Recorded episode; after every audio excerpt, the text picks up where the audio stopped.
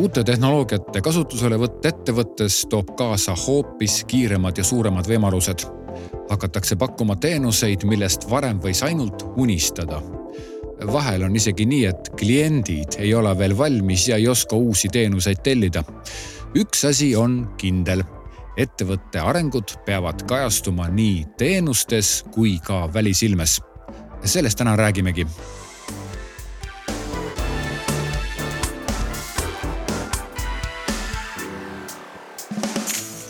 ja tere kuulama, ärisaade alustab.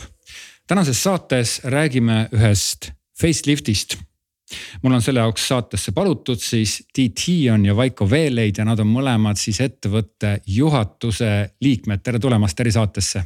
tervist. tervitus ma küsin siia algusesse kohe selle jaoks, et kuulajad saaksid aru, millest üldse jutt käib. Te tegite hiljuti ühe facelifti, kus teie brändi nimest sai Hadesest sai 3DI, Tiit, mikspärast te sellise facelifti ette võtsite?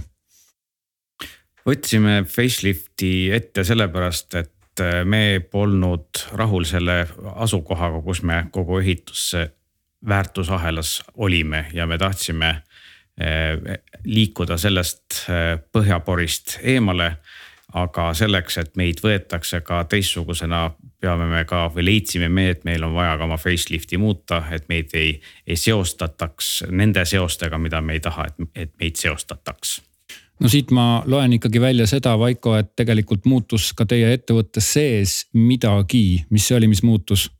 Äh, muutus palju tegelikult selles suhtes, et kui siiamaani me oleme mõõdistanud äh, noh, tavaline geode-, geodeesi firma oleme olnud, nii nagu nüüd siin on olnud aastast, äh, ma ei tea, kui ammu ja ka praeguseni on.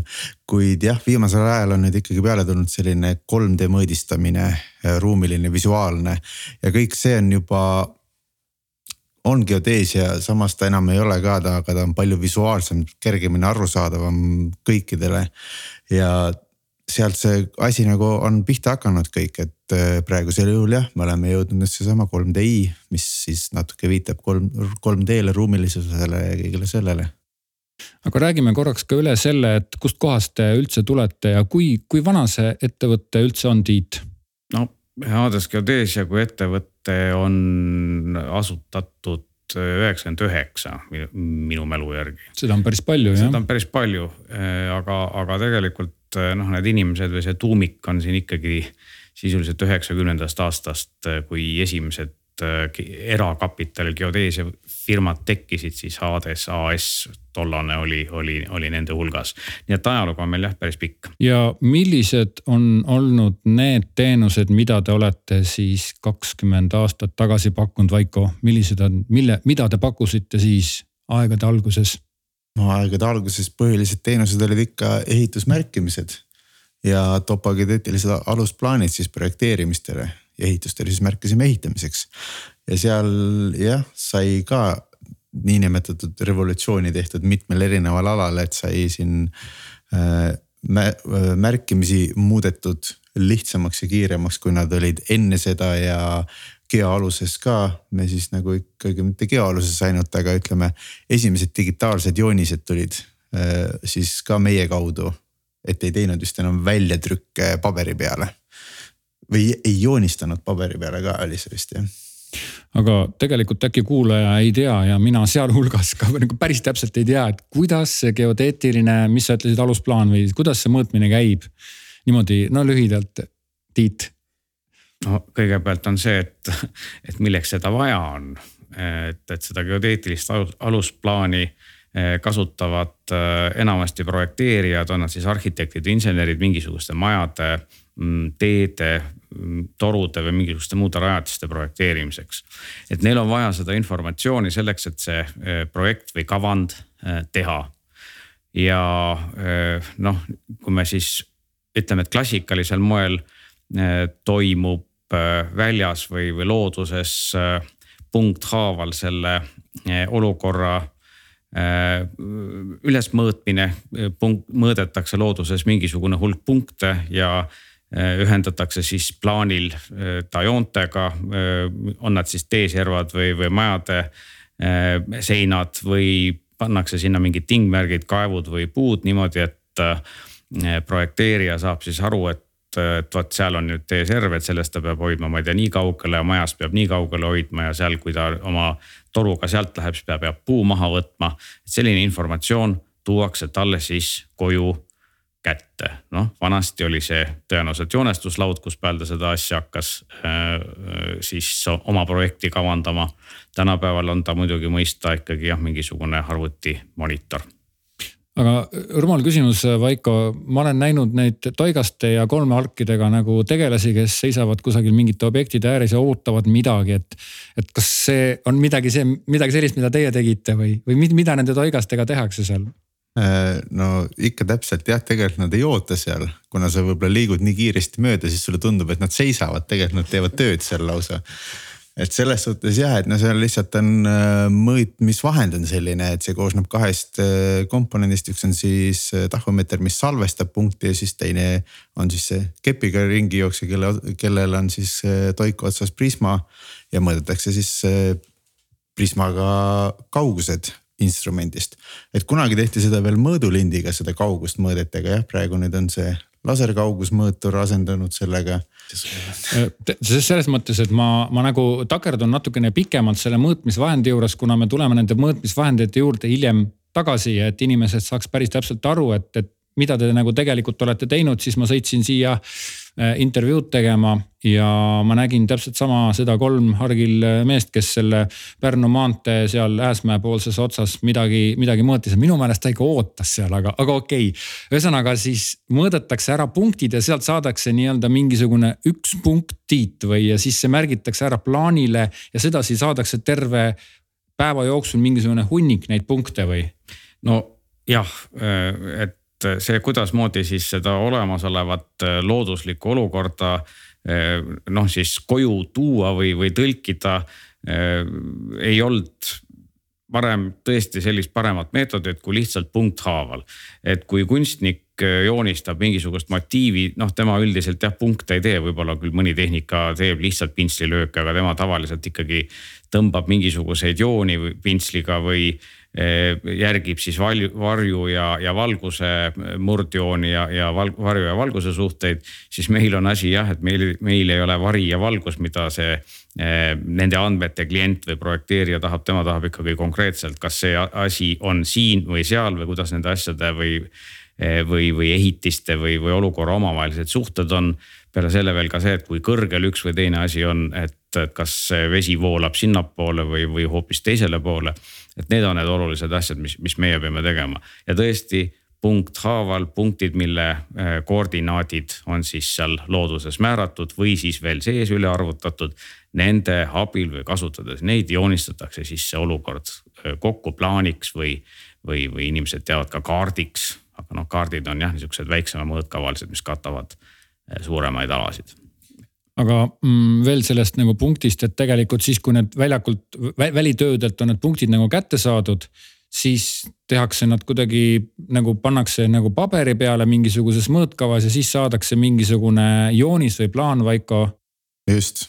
ja siis seda siis kasutatakse nagu edasiste plaanide tegemisel, maja planeerimisel, kõrguseid ja asju täpselt Uku, nii ongi jah. et, et meil ei ole paberit, aga meil on siis ütleme digitaalne paber ja digitaalsed programmid, kus me siis need punktid sisse paneme. ja sealt siis joonistub välja selline maa-ala interpretatsioon et kus on teed, kus on majad, kus on puud, kõik sellised asjad on siis kokku lepitud, et mismoodi mingit erinevat asja siis tähistatakse selle joonise peal ja kõik järgmised, kes sellega hakkavad edasi tegema, teavad, mis see siis täpselt miski tähendab. küll aga on siin see veel võib-olla, mida me ei puudutanud, me rääkisime ainult mõõtmisest, võib-olla see, et sul keegi seal nüüd seisis kuskil ja ootas, see võis olla ehitusega seotud, et kui ehitusel, siis tegelikult mitte ei mõõdistata neid punkte, vaid ka märgitakse ehk siis näidatakse ehitajale, et näed, tähistatakse looduses välja, vot see nurk, siia nüüd tuleb hoone nurk. või siis mingi äärekivi või mida iganes ja vot seal võivad sellised ootehetked küll sisse tulla, kus sa ootad, millal nüüd on mingi asi valmis tehtud, siis sa saad järgmise punkti all anda talle ette, et vot sinna tuleb teine hoonenurk ja nüüd nende kahe punkti vahel tõmba sirge vundament. okay tundus, et sai see asi selgeks. ma soovisin seda nagu pilti nagu lahti joonistada sellepärast, et inimesed saaksid aru, et kuskohast me nüüd tuleme, ehk siis see oli nagu see eilne vaade. mis ajast, Tiit, see asi umbes hakkas muutuma, millal see nii-öelda digikäsitlus üleüldse hakkas teie valdkonda sisse imbuma? noh, neid, neid äh, samme võib võib igatepidi jah, võib-olla see, kui joone mõõtmine muutus, muutus siis elektrontahjomeetri, kui, kui, kui hakati kasutama siis mingisuguseid kas lasereid või mingisugust sellist tehnoloogiat selleks, et määrata joont või mõõta joont seda mõne millimeetri täpsusega väga lihtsalt ja kiiresti. Vaiko enne ütles, et tõesti enne selleks, et joont nagu mingi arvestatava täpsusega, mõne sentimeetri täpsusega mõõta, tuli venitada või rullida lahti teraslint. Äh, kui teraslindist näiteks auto üle sõitis sõiduteel, siis see võis selle ära visata. et sellega tuli väga hoolas olla.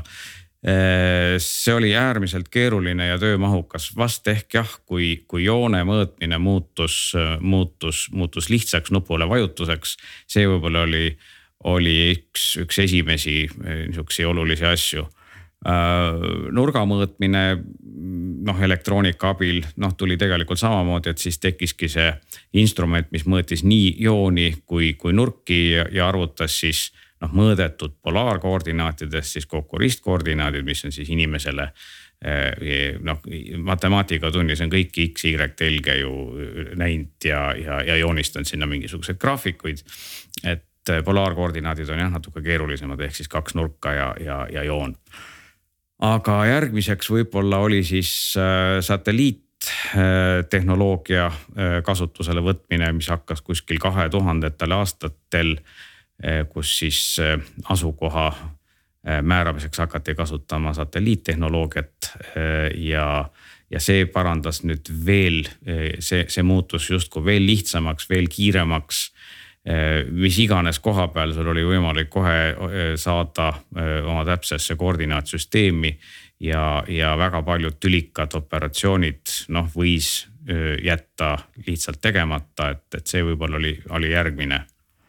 aga siis no ka see on üks asi on väljas mõõtmine, teine asi oli see, et et kui nüüd need elektroonilised mm, tehnoloogiad või seadmed võimaldasid väljas kiiremini mõõta, siis tegelikult Äh, sees äh, noh, kui need andmed siis tuppa toodi ja neid töödeldi, et äh, sihukesed programmid nagu, nagu CAD programmid, millega projekteerijad töötavad nendes samades programmides. ka siis meie või, või geodeedid joonistasid kokku need plaanid, mis tegi selle ka lihtsamaks, sest et et äh, mingi aja pärast oli, kui ei pidanud enam flopi kettaga projekteerija juurde minema, näiteks reede õhtul mul oli kaasas kaks flopi ketast, sest tihtipeale ühe pealt ei tulnud see asi maha. ja siis nagu hästi ei viitsinud enam kontorisse uuesti seda võtma minna mm, ma ei mäleta, kas mingi üheksakümnendate lõpupoole vist või kahe tuhandetel ikkagi juba sai send nuppu kasutada emailiga saata see, see failikene minema, et see tegi noh elu kiiremaks ja lihtsamaks ja, mis põhiline, et seda, seda siis elektrooniliselt joonistatud või CAD programmis joonistatud äh, plaani või pilti, et seda oli lihtne siis parandada, muuta, paljundada erinevaid kihte sisse-välja lülitades, et ta muutis ikkagi selle elu äh, hoopis, hoopis lihtsamaks ja, ja need andmed said palju mitmekesisemalt ja efektiivsemalt äh, kasutusele võetud. väga hea, aga see põhimõtteliselt see või mis aastatel üldse see, see murrang, ma saan aru, tegelikult kogu maailmas on see murrang toimunud, et see on umbes kusagil kahe tuhandendate paiku või? no need elektrontahomeetrid tulid tegelikult üheksa, tegelikult isegi juba kaheksakümnendatel. aga üheksakümnendate alguses hakkasid nad nüüd siis juba salvestama neid punkte, et, et pärast muidu oli nii, et mõõtsid noh seal efektiivselt, aga joonistasid ikka käsitsi, et üheksakümnendate algul hakati siis või tekkis siis see CAD et need tahomeetrid salvestasid andmeid, salvestasid neid punkte, võib-olla ka mingeid koode, mis aitasid hiljem seal sees neid joonistamisi teha. aga hakati kasutama noh, neid CAD programme kahe tuhandendatel kuskil hakati kasutama siis jah, GNSS või noh, nii nagu rahvakeeles öeldakse, kepsu kepsusid, aga noh, GNSS oleks nagu jah korrektne öelda, et mitte ainult ameeriklaste süsteem, vaid tegelikult on ka teised süsteemid kasutusel ja kahe tuhandendate noh, ütleme seal siis äh, kümnenda paiku või noh, vahest natukene enne seda tekkisid siis uued äh, seadmed nagu laserskännerid, mis kui me enne siis punkthaaval neid, neid andmeid seal kokku korjasime, siis need hakkasid juba noh, kümneid tuhandeid ja, ja mõned juba miljoneid punkte sekundis mõõtma, nii et, et sellega muutus see asi päris põhjalikult aga ma tahan siia vahele küsida seda, et kas tegelikult need muudatused, millega teie olete siin kaasa läinud, need on nagu üle kogu planeedi need samasugused muudatused, Vaiko? Mm, just nii, nii need on jah, sest isegi me oleme siin käinud äh, väljaspool Eestit tegemas siin kaugemal Ukrainas ja seal, siis isegi üllatuseks jah, täpselt samad metoodikad on seal ka, mis siis, et me pole omavahel suhelnud ega rääkinud, aga täpselt samamoodi tehakse seal ka seda tavapärast asja praegu. Nii et tegelikult te olete läinud kaasa ja võtnud omaks nagu maailma kogemused, maailma, ma ei tea, tehnoloogiad, kõik selle, mis, mis igal pool kasutatakse, Tiit. Nojah, et ega nendes tehnoloogiates ju ei ole ju otseselt midagi uut, lihtsalt on eh, need tehnoloogiad kuidagi kombineeritud või pandud teise konteksti ja on pandud teisi asju tegema, et see on jälle võib-olla keegi lihtsalt on selle või tolle peale tulnud ja meie oleme neid asju hakanud äh, kasutama jah, aga sellel on ka ikkagi mingisugune põhjus, et me oleme tahtnud oma asjad saada ikkagi veel kiiremini, veel detailsemalt, veel põhjalikumalt. ja, ja vast siis ka seda, et, et need väljundid, mida me anname, et me tahame, et need oleks ka visuaalsed ja lihtsalt kasutatavad. ja mitte ainult inseneril, vaid ka tavalisel inimesel, et see on nagu suur vahe. kas äh, ma saan nüüd õigesti aru, et tegelikult samal ajal ja praegusel hetkel eksisteerivad ka need nii-öelda geodeedid, kes mõõdavad Vaiko vanaviisi. just, neid on ikka praegu veel, ütleme, enamus on neid. et see mm., mida meie teeme, see on sihukene nagu nišivärk natukene, aga just nii nagu tegelikult no siin oligi, Tiit rääkis ennem see GNSS kepsudest on ju, siis ega nendel oli ka raske tulemine, kui need alguses tulid mitte keegi ei usaldanud, see on nagu võõras ja selline. aga praegusel juhul, kui minna ehitusobjektile või ükskõik millise geodeedi käest küsida, siis kõik kasutavad, see on nendel nii igapäevane asi ja eks selle ruumiliste andmetega on täpselt samamoodi, ta tuleb. paljudele ei meeldi, ei oska seda kasutada, aga mingi hetk ta on jälle igapäevane ja, aga millal see juhtub ei oska seda nüüd jah ennustada. kas, kas praegult on nagu see koht, kus endiselt ka teie teenused, mille kohta me kohe järgmistes osades räägime. kas, kas neisse suhtutakse endiselt võib-olla üleüldiselt turul väikese sihukese ettevaatusega, Tiit, kas seda on tunda nagu, et te olete liiga nagu uuendusmeelsed või niimoodi? noh, ütleme kui me rääkisime laserskaneerimisest ja laserskanneritest ja punktipilvedest, mis on siis nende, nende otsene väljund, siis minu arvates see tehnoloogia siiski on juba, on juba, kuidas öelda, aktsepteeritud ja, ja vastu võetud ja seda teeb Eestis, no ma ei tea, vähemalt kümme, kui mitte rohkem noh, kompaniid ka sellega tegeleb, et see tähendab, et kriitiline mass ilmselgelt on, on saavutatud. Mis me ka veel teeme, on on äh, fotogrammeetria ehk siis äh, kaamera, mis on drooni peale äh, kinnitatud, lendab ja, ja lendab kiiresti võrreldes inimese kõndimisega ja kogub tohutult palju igasuguseid andmeid. ja fotogrammeetria iseenesest on niisugune tehnoloogia, mis on tegelikult väga vana, see on kahekümnenda sajandi alguses tegelikult või isegi juba üheksateistkümne, no nii nagu fotograafia leiutati, tegelikult leidis jälle keegi, et, et on, on võimalik seda kasutada ka erinevat positsioonidest pildistades, saada stereoefekt ja saada ruumiline efekt.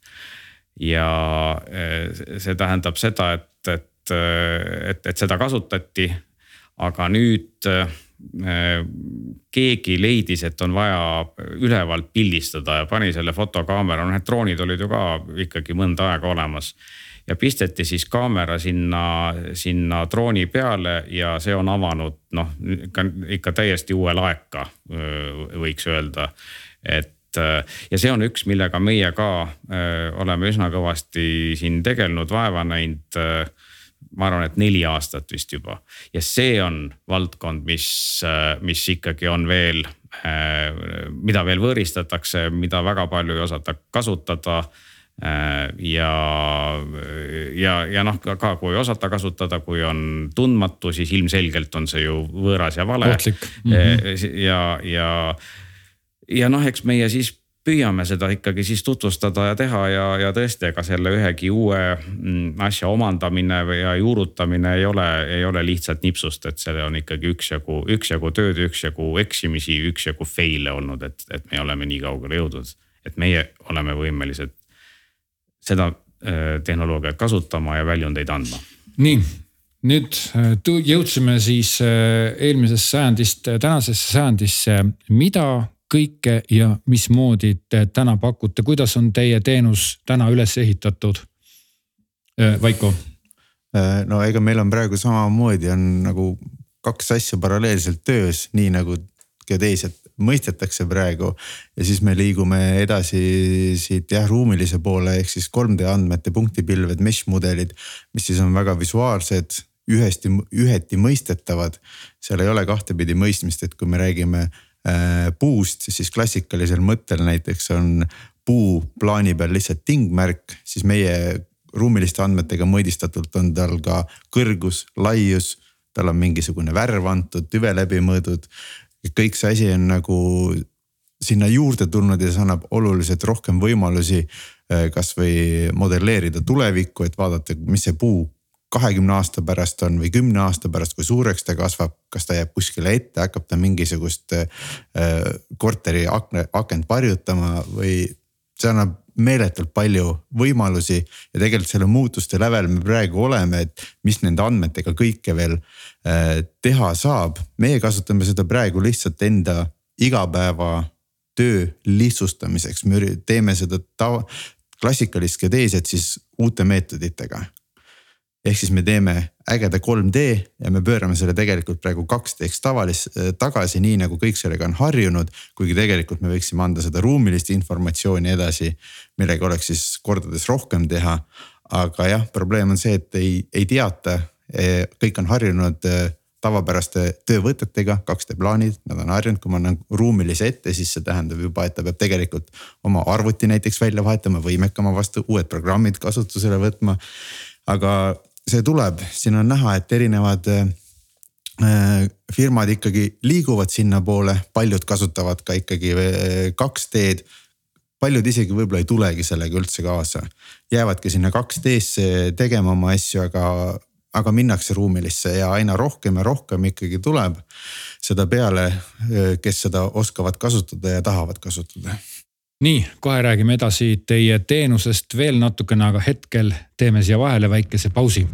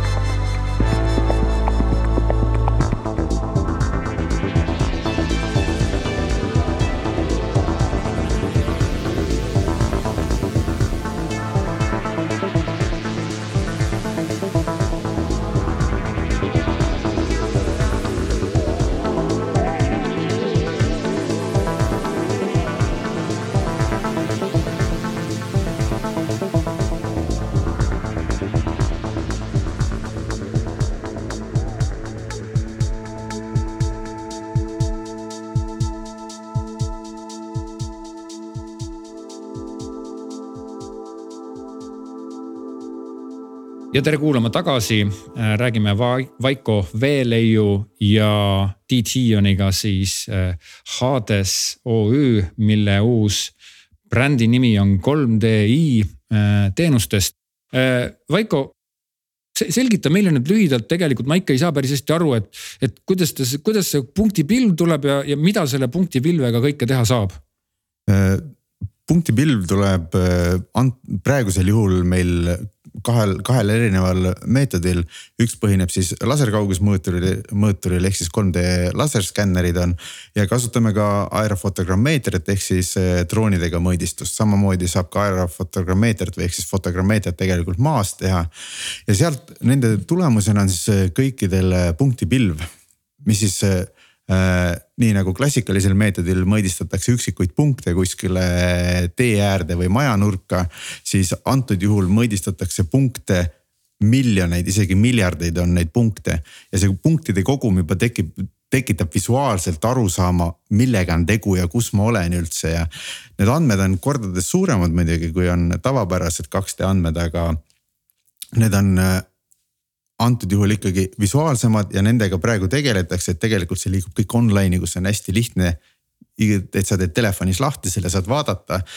ja nüüd, kui kõik projekteerijad ja planeerijad sellega kaasa tuleksid, siis tegelikult sa saaksid varsti vaadata selles samas keskkonnas nüüd, kui sul on omal ostetud uus krunt, me oleme selle 3D-s ülesse mõõdistanud, siis projekteerija saab sinnasamasse 3D keskkonda teie hoone panna ja te saate vaadata, kui hästi see teile tegelikult siis sobib või ei sobi või tahate vahetada millegi muu vastu või midagi. aga tegelikult ma olen vaadanud teie mm, Facebookis ja Instagramis jagatavaid jooniseid ja videosid ja seal on nagu sõidetakse siis äh, kiriku juurest või hoone juurest läbi ja samas minnakse ka hoone sisse ehk siis te saate keerelda nii hoone sees kui hoone väljas, järelikult te lisaks droonidele on 3D skännerid on 3D siis. skännerid ja nendega mõõdetakse seest ja nemad mõõdavad seest nagu kogu selle hoone, ma ei tea, mahulise, ruumilise.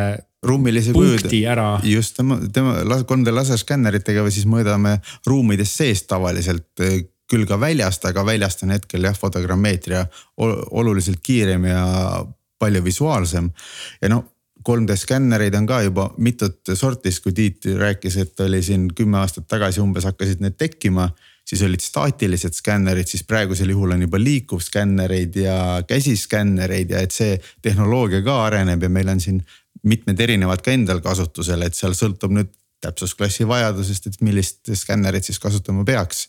aga sellega tavaliselt jah te, teeme hoones seest ja saame samamoodi punktipilvi igast ruumist. ehk siis me salvestame hetke olukorra, mis on objektil sees väga võimas. Tiit, ma saan aru, tegelikult niivõrd suur valdkonna muudatus on toimunud ja see on omakorda kaasa toonud ka teie ettevõtte sees teenuste mm, lisandumise, uute võimaluste tekke, nagu ma aru saan, te pole veel kõike osanud ära realiseerida. milliseid, niimoodi põgusalt, milliseid teenuseid te täna kõike pakute, mis on nagu juurde tulnud tänu sellele punktipilvele ja 3D skännerite fotogrammeetriale? noh, nagu Vaiko ütles, et et, et, et enamasti me kasutame neid uusi tehnoloogiaid või neid, ütleme siis jah, eestikeelne sõna andmehõive tehnoloogiaid küll selleks, et me korjame andmed kiiresti, detailselt ja palju. ja pärast siis äh, töötleme neid äh, ja, ja küll aga jah, need väljundid on pahatihti needsamad käed, käed programmides loetavad failid. ehk me viskame siis, noh, me ei viska minema, aga me jätame arvestamata, ma ei tea, üheksakümmend protsenti võib-olla nendest, nendest andmetest, mis tegelikult on, on olemas. kuivõrd meil on nüüd õnnestunud noh, kuidas öelda siis müüa nüüd päriselt klientidele, kes, kes näevad ja kes oskavad ja saavad kasutada neid noh, siis massilisi andmeid või neid miljoneid punkte või, või siis mudeleid. Eh, küll jah, ütleme mudeleid, et me nende punktipilvade baasil noh, oleme hoonetest eh, teinud mudeleid, noh modelleerinud jälle siis sellistes tarkvarades, mida projekteerijad kasutavad.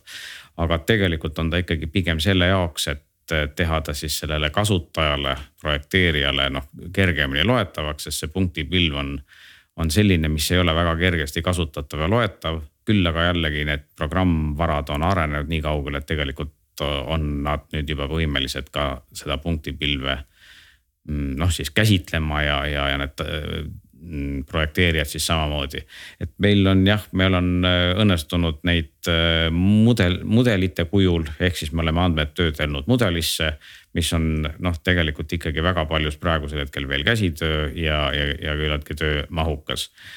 Ehm, meil on õnnestunud äh, ka fotogrammeetria meetodid ehk siis ülevalt lennates, pildistades äh, niisugusi, niisuguseid teenuseid kui klient vajab oma õue peal olevat mingisugust materjali, materjali noh, kuhjad, on nad siis, ma ei tea, mingid kruusad või killustikud. ja need pidevalt muutuvad, et ta siis tahab mingisuguse teatud perioodiga kindlaks teha siis, kui palju tal parasjagu praegu on ja mis vahepeal ära kadunud või mis vahepeal juurde tulnud on. selliseid asju on meil õnnestunud teha. ka siis läbi oma niisuguse keskkonna. Sest et kui me räägime siin punktipilvedest ja üldse väga suurtest andmemahtudest, siis me ei saa eeldada, et meie kliendid noh, ostavad ise kõik need igasuguseid kalleid programme, õpivad nad ära ja hakkavad siis efektiivselt kasutama, et see on ilmselgelt asjatu lootus, et me tahame, et nad saaksid neid andmeid kasutada läbi mingisuguste veebi, veebibrauserite ja oma vastavaid ülesandeid siis lahendada. siis me oleme veel teede peal, meil on õnnestunud ka seesama suur äh, Kose, Kose võõbu äh, lõik on meil õnnestunud ka seal siis tegid selle ehituse järelevalve me tegime siis neid ülelende ja mõõdistusi ja, ja mahtude määramisi selleks, et kontrollida ehitaja poolt deklareeritud siis mahtusid, kui palju nad on seal rajanud mingisuguseid kihte, kui palju nad materjali vedanud on. Selliseid asju on meil õnnestunud teha. aga meil ei ole veel äh, õnnestunud, kuigi meil ei ole õnnestunud, aga tegelikult siin teistel meie kolleegidel, konkurentidel on õnnestunud müüa juba ka seda, et kui kui nüüd mingisugust ehitust ehitatakse, noh mitte siis teed, vaid juba nüüd hoonet. siis äh, ja see hoone on projekteeritud mudeli näol, siis iseenesest laserskanneerimisega äh, näiteks on võimalik äh, võrrelda siis seda skaneerimisel saadud punktipilve projekteeritud mudeliga ja saab väga kergesti ja kiiresti ja visuaalselt ülevaatlikult teada, kus kohas on siis need eh, ehitamised läinud täkkesse ja kus kohas on nad siis mööda või, või midagi on seal kõveriti või, või, või midagi sellist. et äh, niisugust asja on õnneks juba ka noh, vähemalt ühel korral Eestis õnnestunud teha ja müüa. loodetavasti need asjad hakkavad liikuma edasi ja ja, ja et see muutub juba niisuguseks tõsisemaks ja massilisemaks. Niimoodi, et tegelikult teil on nagu suur punktipilv, aga hetkel ei ole seda kõike saanud veel nagu ära rakendada ja nii nagu ma aru saan sellest punktipilvest või 3D mudelist, mida siis näiteks teie ehituse puhul droon mõõdab, lendab üle, siis selle täpsusaste on nagu, milline see täpsusaste on, Vaiko, kas see on nagu, kas tee, kas ta näeb tee, tee peal mingisuguse, ma ei tea, traktori jälje või näeb ta ainult mingi kümne meetri kõrguse kruusahunniku seal ära? Äh, see oleneb, ütleme eesmärgist selles suhtes, et seal on võimalik nii ja naapidi. küll seesama Kose võõbu, mis me tegime, seal on ikkagi võimalik lugeda asfaldipraod ja kivid ükshaaval üle, et mis palju kive on siis pealispinnal näha, et seal on ikkagi selline äh, ühe sentimeetri täpsusega umbes on ikkagi kõik peal. ja lihtsalt droon lendab korra üle ja te saate sihukese pildi kätte, mis on nagu sentimeetri täpsusega mõõdetav. just, et noh, selles suhtes ongi äge, et kui droon, siis tavaliselt kõik arvavad, et on ikkagi foto ainult või mingi pilt on ju, siis jah, sealt tuleb selline plaaniline pilt ka, aga tegelikult tulevad ka ruumilised andmed, et tõesti kõik mahud ja kõik nii nagu Tiit ütles, on võimalik ära kontrollida ja kasvõi kontrollida siis äh, projekti kõrguseid või kaldeid ja mida iganes, aga nii nagu sa küsisid, et kas potentsiaal on, on suur või on palju kasutamata, jah, väga palju on tegelikult kasutamata sellest nagu, et siin me koos äh, ühe partneriga üritame sedasama ehitus äh, asja ka ikkagi käima saada ja edasi arendada, et see punktipilve sinna saada kui igapäevases, igapäevaseks siis äh, rutiiniks ja kontrollimiseks, et kui BIM mudel on olemas, siis punktipilvega on väga lihtne jälgida kontrollida, kas kõik on vastavalt siis projekti, projekteeritule. selle BIM mudelini me kohe jõuame, aga kõigepealt ma küsin ühe rumala küsimuse siia vahele, Tiit. mul on nüüd, mul on maja, eks ole, see on selline rehielamu ja nüüd ma tahan seda plaani saata ehitajale, aga tead, kui raske on seda katust mõõta, sellepärast et ta vingerdab, on ju. ja siis ta on keskelt lohus ja seda ei ole iga nurga alt näha. kas tegelikult oleks nüüd niimoodi, et teie tehnoloogiaga on võimalik see hoone nagu ära mõõta ja lasta temast välja mingid siuksed joonised, millest on ka tavalisel ehitajal kasu. kui me vaatame niisuguse tavalise inimese, majaomaniku, individuaalelaniku oma, individuaalmaja omaniku vaatenurka. noh jällegi, et kui see individuaalne elamu omanik on insener, siis tõenäoliselt on ta võimeline lugema igasuguseid keerulisi jooniseid aga kui ta on tavaline inimene, siis, siis jooniste lugemine ei pruugi olla see, see, see tema kõige tugevam külg. et tõesti need andmed, mis meie korjame ja teeme ja, ja moodustame, on sellised, et sellest on võimeline aru saama ka, ka täiesti tavaline inimene. just nimelt, et kui me anname ta mingisuguses eh, kergesti kasutatavas veebibrauseris, kus ta, kus ta saab ise need asjad, eh, oma mingisugused mõõdud võtta või ja nii edasi kui ta tahab nüüd edasi ehitajatele neid, neid asju anda, siis see sõltub sellest, kuidas need ehitajad, missugusel moel nemad seda, äh, seda informatsiooni kasutavad, kas nad tahavad saada jooniseid, no siis saab neile ka need joonised teha. kui nad on valmis ja võimelised teistmoodi kasutama, siis, siis miks mitte. siit tegelikult Varnas kohe üks näide sellesama mm, -hmm. oligi Rehi elamu, katus lookles ja oli viltune, mõõdistasime 3D tehnoloogiaga selle ülesse jah, ruumiliselt on see kõik ilusti näha, et ta on viltu ja kõik nii edasi. proovisime sellest ka tegelikult teha siis 2D joonised. aga kuna neid muutusid ja erisusi oli nii palju, siis 2D jooniste tegemine oli väga ajamahukas ja lõpuks oli see nii kirju et ehitaja tegelikult lõpuks seda enam isegi lugeda ei suutnud, sest meil noh, see tuleb nii detailne ja neid äh, erisusi ja kõiki neid on seal nii palju, et tegelikult ruumiliselt oli kõik ilusti aru saada aga 2D-sse seda asja nüüd üle viia, tegelikult oli keeruline. aga kõik suudaksid ruumiliselt kasutada, see oleks palju lihtsam aga tegelikult eh, me juba korra seda sõna mainisime, mm, aga suurehituses ikkagi kasutataksegi just nimelt digitaalseid plokke, nagu ma olen aru saanud ja neid nimetatakse siis PIM-ideks, eks ole. kas Tiit, kas ma nüüd panin täppi või läks see mööda? noh, jällegi, et ma päris täpselt ei saanud aru, mis sa praegu selle all mõtlesid, aga, aga äh, suuremas ehituses või suuremad, suuremad firmad suuremates projektides tõepoolest äh, on hakanud kasutama äh, noh BIM-i ehk siis BIM on, kas siis on building information modeling näiteks nendest, nendest sõnadest akronüümi kokku pandud, mis ehitusringkondades on tõesti üsna laialt kasutuses ja, ja keegi seda Eh, eesti keelde väga ei, ei, ei üritagi panna aga see tähendab laias laastus jah seda, et kavandatav ehitis, on ta siis hoone või on ta midagi muud, on modelleeritud öö, nii korrektse geomeetriaga kui ka see, et, et need elemendid, millest siis see ehitis või rajatis hakkab noh koosnema. et seal on ka tegelikult juba nende, nende, nende elementide mm, info küljes, et ongi siis nagu infomudel, ehituse infomudel Teie osalete ka digiehituse klastris ja digiehitus väga paljugi just nimelt, see on just nimi ütleb juba ise, et tegemist on digiehitusega, millist rolli teie seal täidate? Eh, noh, meie, meie täidamegi, eks, eks seda oma rolli, et tegelikult see klaster on selline, äh, selline noh, kuidas öelda siis kommuun või, või, või, või seltskond või, mis iganes Eh, mis eh, ühendab endas ehitus, noh jah, siis Eesti ehitussektori eh, ettevõtteid, küll ka siin mõningaid omavalitsusi, kõrgkoole. selliseid, kes on aru saanud, et, et, et, et ainult innovatsioon on see, mis tegelikult suudab või, või tänu millele on võimalik kuidas öelda siis isegi mitte areneda, vaid ellu jääda, et selleks on vaja innovatsiooni ja seda üksinda ei tee selleks on vaja saada kokku ja, ja üritada koos seda teha. ja meie roll on vastavalt sellele, mis meie, mis meie roll või mis koha peal me oleme ehituse väärtusahelas. see, kus me oleme praegu ja see, kuhu me tegelikult tahame jõuda. milline on teie roll ehituse elukaares?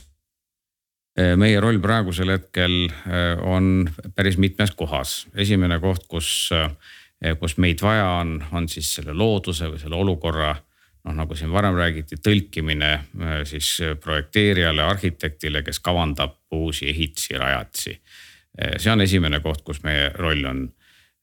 teinekord oleme me siis, kui projekteerijad, insenerid, arhitektid on need ehitised, rajatised kavandanud, ehitusprojektid valmis teinud, modelleerinud aga nüüd on vaja nüüd siis need mudelid või, või see informatsioon, mida nad on sinna projektidesse kokku joonistanud, see on vaja ehitajale teha arusaadavaks, ehk siis vaja viia uuesti loodusesse tagasi. see on teine koht, kus me oleme mängus ja jällegi, kui ehitaja on valmis ehitanud rajatised, ehitised, teed, torud, mis iganes, siis oleme meie need, kes või keda kasutatakse siis kontrollimaks, et kas need, kas need asjad on siis õigesti, kas nad on projekti kohaselt ehitatud. noh, just pidades silmas geomeetriat. nii et kolmes kohas oleme me praegusel hetkel selles väärtusahelas sees, tegelikult rohkem kui keegi teine mm. -hmm see mm, digiehituse klaster tegelikult äh, minule jäi teie asja uurides silma ja äratas tähelepanu seetõttu, et te nagu pelgalt ei lenda droonide ja ei mõõda laserskänneritega ja ei töötle AutoCADis mingisuguseid punkte. vaid teil on ka nagu natukene laiem nägemus, ehk siis teil on soov kaasa lüüa siis üldises digiarengus mis, mis omakorda nagu lööks, aitaks kaasa siis kogu nii-öelda kõikide ehitajate nagu arengusse. et see on siis see digiklastri eesmärk või? Nii ta on jah, nii ta on, et see on noh, vähemalt ehitusringkondades vana tõde juba, et, et ehitussektor mitte ainult Eestis, vaid ka üle maailma on, on väga maha jäänud oma arengust teiste sektoritega võrreldes. tootlikkuse koha pealt McKinsey mõttekoja ühe toreda graafiku koha pealt ei ole seal viiekümnendatest aastatest mingisugust erilist progressi olnud. võrreldes näiteks infotehnoloogia, võrreldes tehaselise tootmise, võrreldes põllumajandusega, et noh, need tulemused on pehmelt öeldes nukrad. aga samas, kui meie tase on, on nii madal, siis on see perspektiiv seest röögatu, kuhu me võime areneda ja tõepoolest need äh, digitaliseerimine on siin üks, üks, üks võtmesõna, äh, aga see siis mitte ainult seda, et meil on äh, ehitusprojektid modelleeritud ja sinna on info sisse pandud, me peame digitaliseerima ka protsessid. ja see on jälle see koht, kus, kus oleme meie, nagu räägitud, meie oleme need, kus kohas kes tegelevad kohtades, kus informatsioon muutub noh, siis reaalselt digitaalseks ja vastupidi ja need on üsnagi põnevad kohad, need ülesanded kipuvad olema mitte väga kerged. nii, aga hakkame saadet kokku tõmbama.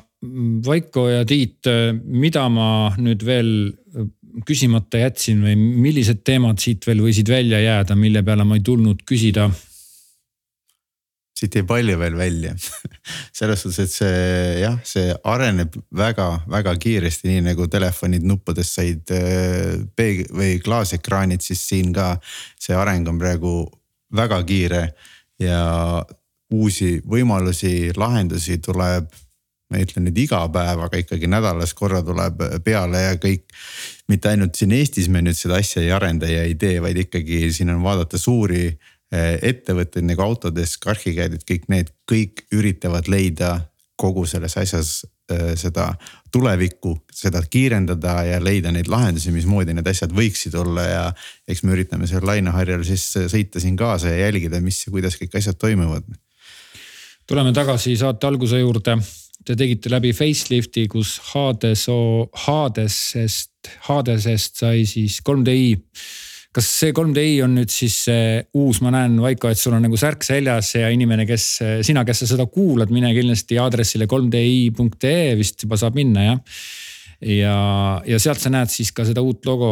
Mm, kas see logo on nüüd midagi sihukest, mis võikski nagu kajastada seda uue maailma lähenemist teie valdkonnas?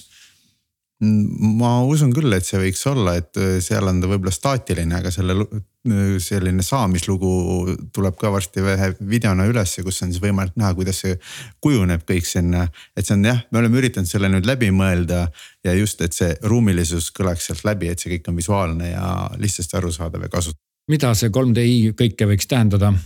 Mm, see tähendab kõike head, mis sõnad hakkavad i-tähega.